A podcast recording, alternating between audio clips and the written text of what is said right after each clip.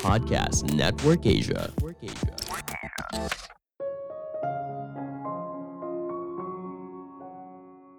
Di dalam dunia yang penuh penderitaan, kamu masih bisa menemukan kebahagiaan sejati. Halo semuanya, nama saya Michael. Selamat datang di podcast saya, Sikutu Buku. Kali ini saya akan bahas buku The Book of Joy karya Dalai Lama dan Desmond Tutu. Sebagai informasi, podcast Sikutu Buku sekarang bergabung dengan Podcast Network Asia dan Podmetrics loh. Sebelum kita mulai, buat kalian yang mau support podcast ini agar terus berkarya, Caranya gampang banget. Kalian cukup klik follow. Dukungan kalian membantu banget supaya kita bisa rutin posting dan bersama-sama belajar di podcast ini. Buku ini membahas bagaimana kita bisa menemukan kebahagiaan di dunia yang serba berubah. Dalam hidup, pasti kita pernah mengalami penderitaan. Ini adalah situasi yang tidak bisa kita hindari. Tapi dari penderitaan tersebut, ternyata kita bisa menemukan kebahagiaan yang seutuhnya. Sebagai informasi, Dalai Lama dan Desmond Tutu merupakan peraih penghargaan perdamaian Nobel. Mereka telah bertahan hidup dari 50 tahun pengasingan dan kekerasan penindasan penguasa di negaranya. Terlepas dari kesulitan hidup yang mereka alami, boleh dibilang mereka merupakan dua orang yang paling bahagia. Saya merangkumnya menjadi tiga hal penting dari buku ini. Pertama, penderitaan adalah bagian dari hidup. Penderitaan merupakan hal yang pasti ada dalam kehidupan setiap manusia. Bentuknya bisa berbagai macam, misalnya dari telat bangun pagi ke kantor, jalan ke kantor yang macet, hingga tagihan dan cicilan yang menggunung. Jika penderitaan akan selalu ada di dalam hidup manusia, bagaimana bila kita mencoba hidup dengan penderitaan dan menikmatinya sebagai bagian dari kehidupan? Ada contoh yang menarik. Ibu yang melahirkan pasti tahu bagaimana rasa sakitnya melahirkan namun, terlepas dari rasa sakit dan penderitaan yang dialami, seorang ibu menerima kondisi ini sebagai sebuah keharusan karena penderitaan ini akan memberikan dirinya kebahagiaan dari memiliki seorang anak. Coba bayangkan, bila setiap wanita menghindari rasa sakit akibat melahirkan, pasti tidak ada manusia lagi di bumi ini. Ini adalah kekuatan dari penerimaan dan perspektif yang menarik dari penderitaan. Ada contoh lain yang menarik. Nelson Mandela merupakan presiden kulit hitam pertama di Afrika Selatan. Namun, jauh sebelum itu, Nelson harus menderita selama 27 tahun di penjara. Dia dipaksa harus tidur di lantai dan setiap harinya diminta untuk bekerja paksa. Banyak orang yang menganggap hukuman ini akan melemahkan tekad Nelson. Namun sebaliknya, penderitaan telah menumbuhkan kebaikan dan rasa empati di dalam hatinya.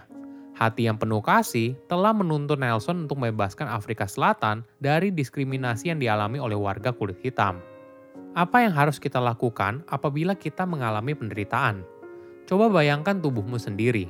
Jika kamu dalam kondisi yang sehat, kemungkinan kamu terkena flu tentu saja rendah. Namun, ketika kondisi kamu sedang tidak fit, maka terpapar oleh sedikit virus bisa membuat kamu sakit. Imunitas akan menjaga tubuhmu dari serangan berbagai penyakit, Hal yang sama bisa kita terapkan pada pikiran. Ketika kita membangun sesuatu yang disebut sebagai mental immunity, hal ini tidak membuat penderitaan yang kita alami langsung menghilang. Namun, kamu akan lebih mudah untuk bangkit dari situasi tersebut. Sebaliknya, jika kondisi mental kamu lemah, kejadian yang terlihat normal bisa menjadi sumber penderitaan yang berlarut-larut. Contohnya begini, suatu hari penerbangan Dalai Lama dibatalkan Hal ini lalu membuat dirinya dan pembuat film bernama Peggy Kalahan harus pergi ke bandara lainnya sejauh 6 jam perjalanan. Situasi ini tentu saja tidak menyenangkan, tapi mereka punya pilihan untuk tidak membiarkan rasa frustasi tersebut merusak perjalanan mereka. Jadi, selama 6 jam perjalanan, mereka banyak menghabiskan waktu untuk bercerita tentang pengalaman menarik selama bepergian. Ketika kita mengalami situasi di luar kendali, kita tetap punya pilihan bagaimana menghadapinya.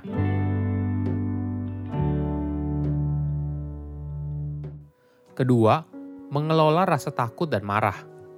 Apakah kamu pernah punya ekspektasi yang berlebihan karena tekanan dari lingkungan sekitar? Misalnya, kamu harus punya rumah yang lebih besar, mobil lebih mewah, handphone terbaru, dan sebagainya. Keinginan ini membuat kita merasa kalau memiliki sesuatu yang lebih, artinya hidup kita menjadi lebih baik. Tapi, bagaimana bila kita gagal mencapainya? Respon yang muncul biasanya adalah rasa takut yang lama-kelamaan berubah menjadi amarah. Rasa takut ini biasanya muncul dalam berbagai bentuk, mulai dari takut tidak mendapatkan apa yang kamu mau, takut orang lain tidak mencintaimu lagi, atau takut tidak dihargai lagi. Kemarahan yang berasal dari rasa takut ini bisa sangat menyakitkan. Beruntungnya, kita bisa menghadapinya dengan belas kasihan. Sebagai contoh, ilmuwan Paul Ekman dipenuhi oleh kemarahan karena perilaku agresif ayahnya dan ibunya yang bunuh diri. Kemarahan di dalam dirinya begitu kuat sehingga sering kali Paul meluapkan kemarahannya secara acak sepanjang minggu. Hingga akhirnya, Paul bertemu dengan Dalai Lama di sebuah konferensi yang diselenggarakan oleh Mind and Life Institute. Dalai Lama memegang tangan Paul dan menatap matanya dengan penuh kasih. Hal ini membuat kemarahan Paul perlahan-lahan menghilang. Inilah kekuatan dari belas kasih. Namun di sisi lain, kesedihan juga mampu mengubah penderitaan menjadi hal yang positif. Ketika mantan gurunya meninggal, Dalai Lama diliputi oleh kesedihan dan penderitaan. Alih-alih tenggelam dalam kesedihannya, dia mengubah kesedihannya menjadi motivasi untuk memenuhi keinginan yang ditinggalkan gurunya. Sekarang, Dalai Lama mengajari banyak orang yang kehilangan orang yang dicintai bahwa kesedihan yang mereka rasakan, meskipun tidak terhindarkan, juga dapat digunakan untuk mencapai tujuan yang ambisius.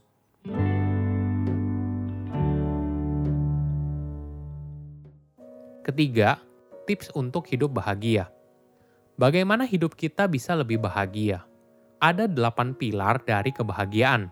Saya akan membahas tiga pilar saja ya. Pertama adalah perspektif. Jika kamu bisa melihat hidup dari perspektif yang lebih besar, kamu akan sadar kalau apa yang terjadi pada dirimu saat ini tidak akan bertahan selamanya. Ada contoh yang menarik. Seorang wanita narapidana sedang sakit parah di penjara saat Perang Dunia Pertama. Dia bertahan hidup hanya berdasarkan sebuah rumor kalau mereka akan dibebaskan pada saat hari Natal. Dengan berpegang pada informasi tersebut, wanita itu berjuang untuk terus bertahan hidup. Namun sayangnya, ketika hari Natal tiba, mereka tidak dibebaskan. Kenyataan ini membuat wanita itu kecewa dan akhirnya meninggal. Kedua, humor. Sebuah situasi yang tegang perlu humor untuk mencairkan suasana. Ini merupakan pilar penting untuk hidup bahagia. Setelah pembunuhan besar-besaran di Rwanda, Desmond diundang untuk berbicara dengan kelompok Hutu dan Tutsi yang merupakan dua kelompok etnis yang bertikai. Saat situasi tegang, Desmond menggunakan humor sebagai alat untuk berbicara tentang topik yang sensitif. Dia lalu bercerita tentang kisah fiksi soal sekelompok orang berhidung besar yang mendiskriminasi orang berhidung kecil. Ketika para penonton tertawa mendengar cerita tersebut, namun di waktu yang sama mereka juga memahami kalau mempunyai prasangka buruk pada kelompok lain itu tidak ada gunanya.